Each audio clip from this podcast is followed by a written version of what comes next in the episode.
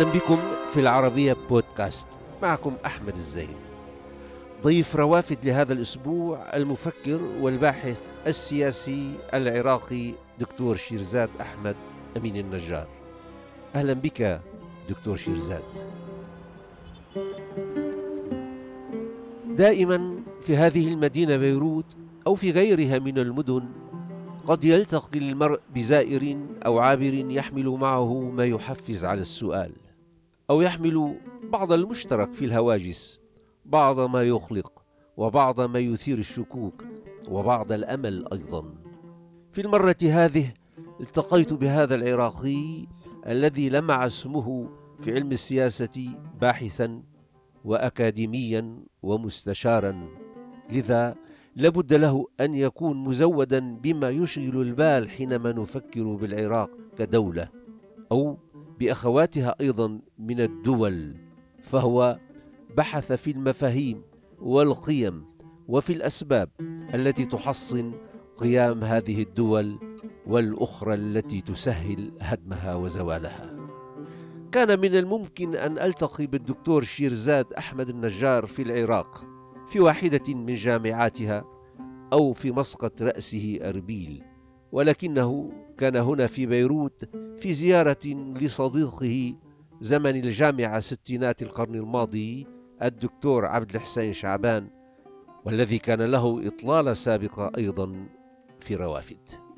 في هذا اللقاء مع الدكتور شيرزاد سنحاول الاقتراب من بعض مفاهيم علم السياسة وبالتالي سنحاول تبيان الأسباب التي تجعل الدول في حالة من الهشاشة والحكام في غفلة عن سقوطها.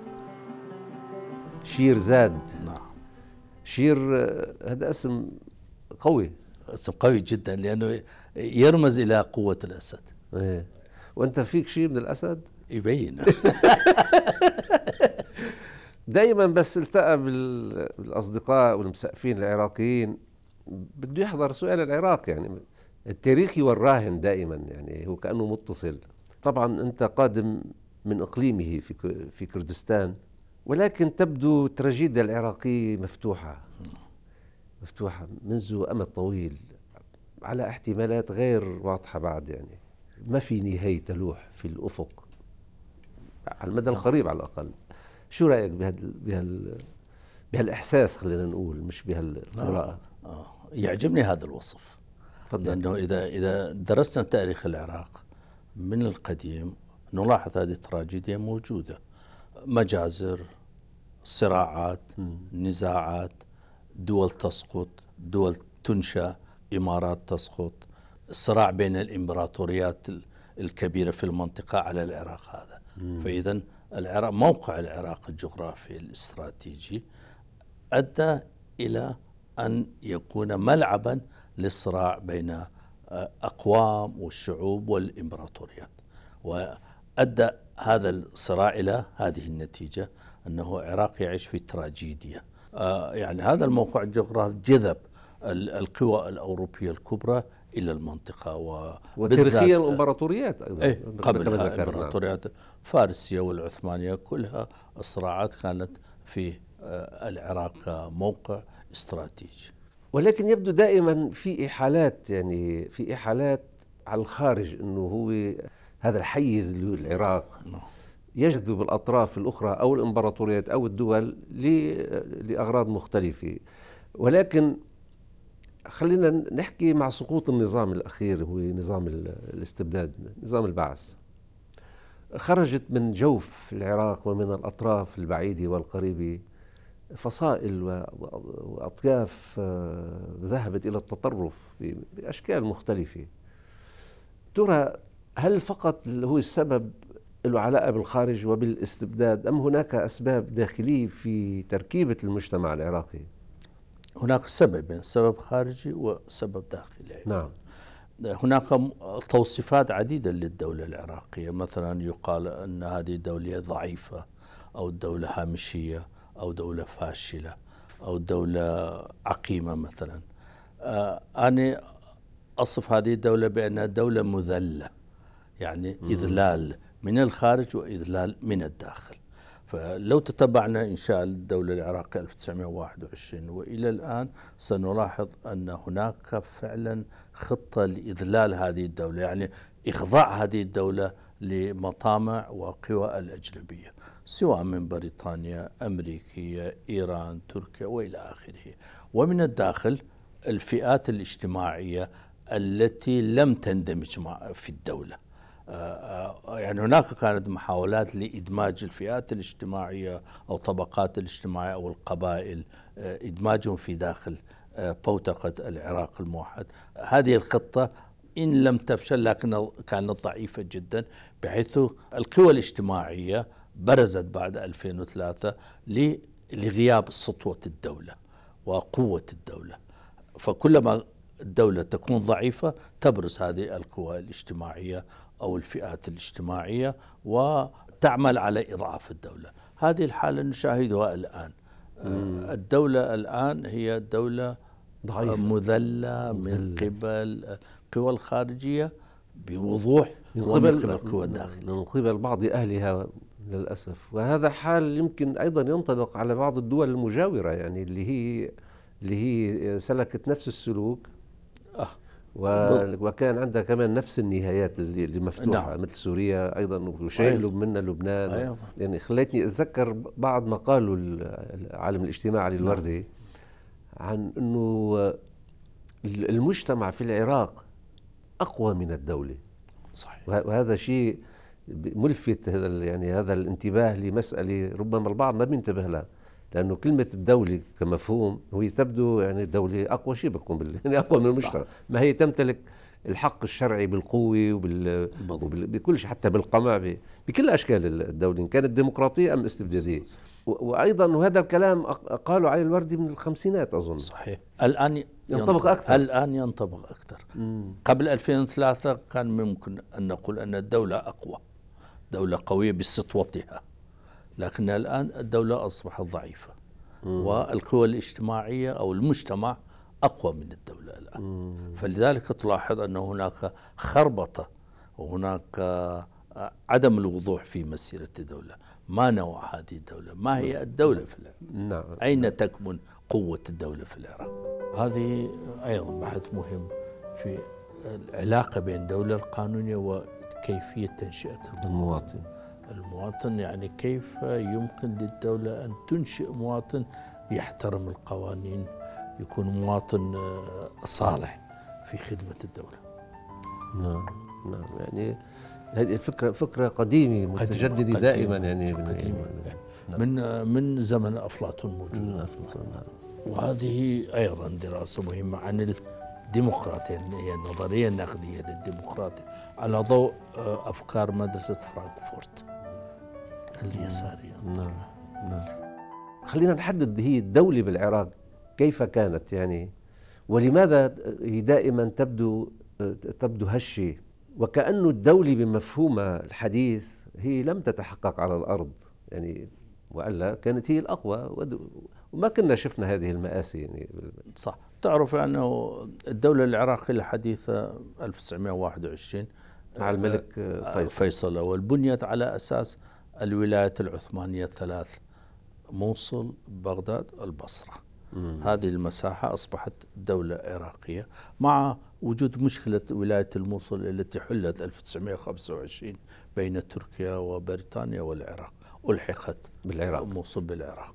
آه هذه الدولة أرادت أن تبني دولة حديثة. ملك فيصل الأول المرحوم حاول في هذا الاتجاه. في نعم وكتب مذكرة جدا مهمة 1932 حول وضع العراق. فأوضح فيها أن العراق لا يملك شعبا موحدا.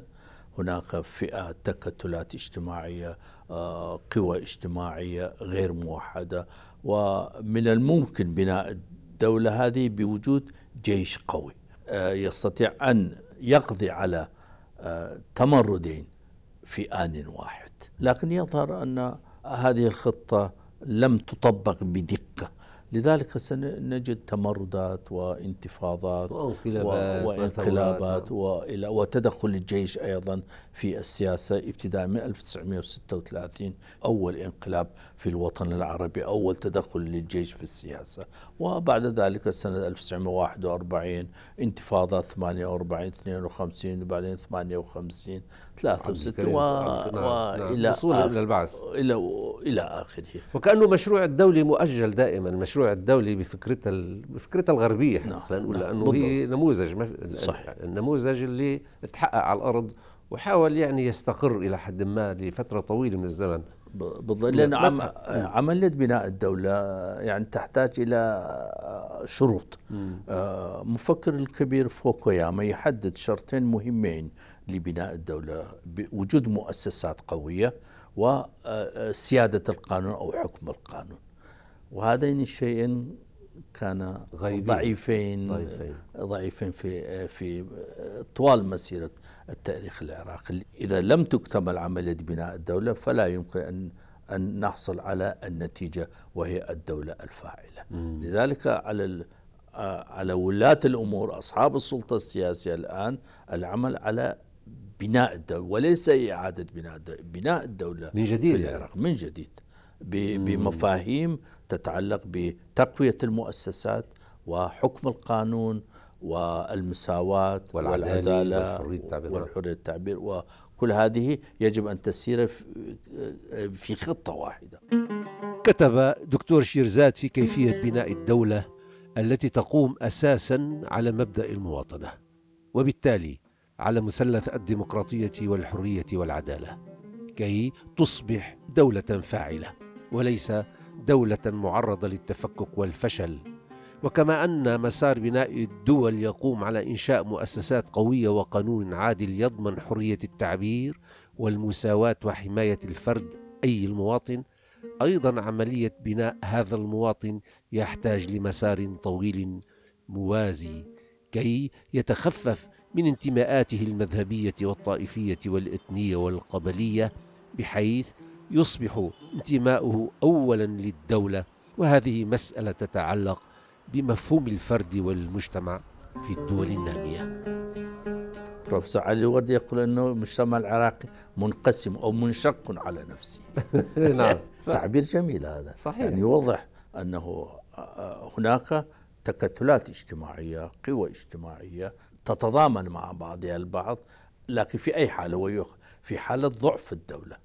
إذا كانت الدولة قوية الدكتور علي الورد يقول أنه يتمسكون بالدولة لكن إذا ضعفت الدولة سيتمسكون بتكتلاتهم الاجتماعية. وإذا يجب علينا أن نعمل على تقوية الدولة. وأوضح بأنه هذه الصراعات هي صراعات قبلية صراعات عشائرية صراعات دينية صراعات عرقية. فلذلك على أصحاب السلطة السياسية معرفة أين تكمن أمراض هذا المجتمع آه، لمعالجتها حتى يمكن بناء الدولة الحديثة في العراق؟ نعم نعم. آه هذا بيخليني أسأل سؤال آخر. فكرة الانفصال لدى لدى المجموعات التي تتشكل منها المجتمعات بشكل عام وليس في العراق فقط هذه الفكرة مثل جمرة تحت الرماد نعم. تبقى دائما يعني في كثير هيك التاريخ بذكرك والحاضر أيضا. فجأة بتفيق. يعني بإسبانيا من فترة آه، حدث إنه بدنا يعملوا انفصال. صح. ولكن بعالمنا بعالمنا العربي آه، هذه الجمرة أكثر توهجا إذا إذا صح, صح. القول. يعني إنه حاضرة أكثر يعني دغري بتشعل. يعني هي مسألة تت... شو هي الأسباب اللي بتخلي الحقيقة هذه هذه المجموعات وال يعني الإثنيات والأعراق تفكر دائما بالانفصال هو نتيجة خوفها من الانصهار أم عدم الاستقرار بخليها يعني تبحث عن ماذا؟ هي تبحث عن الحرية. نعم. والحصول آه، آه، على الحرية عملية صعبة. آه، ضمن كيان أو ضمن دولة إذا كانت دولة مستبدة. لكن إذا كانت دولة ديمقراطية فإن هذا التوجه سيكون ضعيفا. صح. كان لدينا في إسبانيا آه، مسألة كاتالونيا لدينا في فرنسا أيضا بعض الشيء آه، لدينا في بلجيكا مشكلة أيضا. عملوا فيدراليات وارتاحوا يعني. فيدراليات، بس- لكن- آه، سويسرا فيدراليات. سويسرا مستقرة. إذا هذه المشكلة هي مشكلة الحرية ومشكلة أخرى مشكلة الاستقلالية. يعني الجماعات الاجتماعية في داخل دولة حتى إذا الديمقراطية شعرت بأنها غير مرتاحة من الوضع وأنه هناك تحيز معين. فأنذاك تفكر بهذا الموضوع. ومثل ما تفضلت كاتالونيا هو مثل على ذلك. مثل على ذلك. مع العلم مركز الاقتصاد الإسباني هو في كاتالونيا. مع ذلك فكروا بهذا وهذا شيء يشبه كردستان على كل حال إنه. مركز الاقتصاد والنفط وكذا نعم، نعم. والثروة الكبرى أي. موجودة بهي المنطقة موجود. يعني ممكن يكون هو سبب أيضا ممكن يكون نعم بالتأكيد وأيضا أحد الأسباب. التطلعات نحو نحو الاستقلال والإستناد على أي شيء يستندون في هذا الموضوع يستندون على مبادئ معينة موجودة في القانون الدولي آه، مبدأ تق- حق تقرير المصير و لكن هناك تفسيرات متعددة يعني فقهية قانونية لمبدأ حق تقرير المصير بحيث سيؤدي الموضوع إلى مجادلات ومناقشات سواء فقهية أو سواء سياسية حتى. ويبدو يبدو اللي اللي بيوصلوا للسلطة بالعالم بشكل عام يعني المجموعات النخب اللي بتحكم آه، ما بتقرأ التاريخ أو أو تتجاهل. أو تتناسى. يعني مثلا في تجربة كتير معاصرة عشناها بالثمانينات هي تفكك أكبر دولة بالعالم. نعم. هي الاتحاد السوفيتي. اللي هي طبعا يعني مجموعة دول وعرقيات ولغ- ولغات وهويات صهرت بال- بالقوة بالعنف. ستالين يعني صح. ثم للحظة ت- تفككت. يعني أوروبا مثال على ذلك. أوروبا عملت اتحاد أوروبي. ولكن آه، في يعني في تمايز بال ال- الفيلسوف الروماني سينيكا يقول الذي لم يقرأ التاريخ سيظل طفلا صغيرا. فإذا السياسيين إذا لم يقرأوا التاريخ لم يتعظوا من سيبقون آه، أطفال. يعني لأنه ليس لديهم تجربة. وفعلا هذه التجارب التي حكيت عنها هي تجارب يجب آه، إهتمام بها والانتباه لها. يعني دولة كبيرة تتفتت بفعل داخلي وبفعل خارجي وأيضا هناك توجهات نحو الاندماج الاتحاد الأوروبي ونشوف أنه فيها ثغرة أنه انفصال آه، بريطانيا. بريطانيا عنها لكن آه، هناك فرق بين الدول النامية المتخلفة والدول المتقدمة في هذه الموضوع. مثلا في الاتحاد الأوروبي بطريقة ديمقراطية انفصلوا بدون أي مشكلة لكن في الدول المتخلفة آه، التفكير في هذا الموضوع سيؤدي إلى آه، تجاذبات ونزاعات وأحيانا إبادات. يعني لدينا مثلا آه، في الستينات نيجيريا وبيافرا يعني انفصلوا ثلاث سنوات وبعد ذلك قمعوا بقوة. فلذلك يجب على على السياسي أن يقرأوا التاريخ ويأخذ بنظر الاعتبار ال ال وبرأيك السياسيين أنت عملت أيضا بحياتك المهنية مستشار نعم. للحكام يعني يقرؤون التاريخ أو يسألون مستشارين هن اللي بي- بيعرفوا تاريخ هذه مشكلتين كبيرتين للحكام في الدول المتخلفة لا يقرؤون التاريخ ولا يستشيرون مستشار إلا قليلا. إلا قليلا. إيه. بس مشكلتهم في قراءة التاريخ. نعم. الكبيرة هذه. يعني يجب عليهم أن يقرأوا التاريخ ويجب عليه أن يلقى عليهم محاضرات بالتاريخ وفي العلاقات الدولية. يعني حتى حتى بالنسبة للعلاقات الدولية أيضا مسألة معقدة. آه، فهم العلاقات الدولية أيضا مشكلة صعبة. يعني على الباحثين أيضا لديهم مشكلة في فهم العلاقات فكيف بالسياسيين؟ صحيح صحيح. هذا التقصير في قراءة التاريخ وفي فهم السياسة كعلم قائم بذاته يشبه علم البيولوجيا والأداء الذي يقوم به جسم الإنسان كي يحافظ على توازنه ووجوده ودوره ومعناه. هذا التقصير أو عدم الانتباه أو التجاهل هو الذي ينتهي دائما بالحاكم وحكمه إلى الفشل المأساوي. دكتور شيرزاد تعمق على ما يبدو في هذا التوصيف وبحث فيه وحمله معه إلى المواقع التي اشتغل فيها استاذا وباحثا ومستشارا. من خلال من خلال على احتكاكك بالفئات العمرية من الطلاب وأيضا من الباحثين والأساتذة وال يعني يعني الجامعة دائما هي هي نموذج عن المجتمع. الطلاب بشكل عام لديهم استعداد هيك لهذه الأسئلة الآن عندهم الاستعدادات هيك لأنه الأسئلة تصنع تصنع المواطن تصنع. المفروض الجامعة تغير المجتمع. وهذا دور جامعات لعبت هذا الدور في أوروبا. غيرت المجتمعات بأي شيء؟ بإنتاج. بإنتاج مفكرين بإنتاج باحثين بإنتاج آه، يعني مثقفين. جامعاتنا في الوقت الحاضر لا لا تأثير لها على المجتمع. المجتمع المتخلف يؤثر على الجامعات الآن. تقاليد البالية دخلت إلى الجامعات نقلوها على الجامعة. فترى جميع السلبيات الموجودة في المجتمع موجودة في داخل هذا شيء خطر جدا. أخطر شيء هذا. ولذلك سؤالك جدا وجيه. هل هناك طلبة مستعدين لتلقي هذه العلوم؟ معظم الطلبة غير مستعدين لتلقي هذه العلوم. هم يطلبون فقط الحصول على شهادة ووظيفة. نخبة قليلة جدا منهم يحاولون يعني لكن اللي عندهم هاجس السؤال. هاجس إيه. لكن ليس لديهم دعم أيضا. على فكرة هذه هذه حالة عامة في بعض الجامعات نعم. الدول اللي شهدت شهدت حروب إلى ما هنالك ومآسي المستوى الجامعي فيها والتعليم الأكاديمي يعني هبط بسرعة بسرعة فظيعة.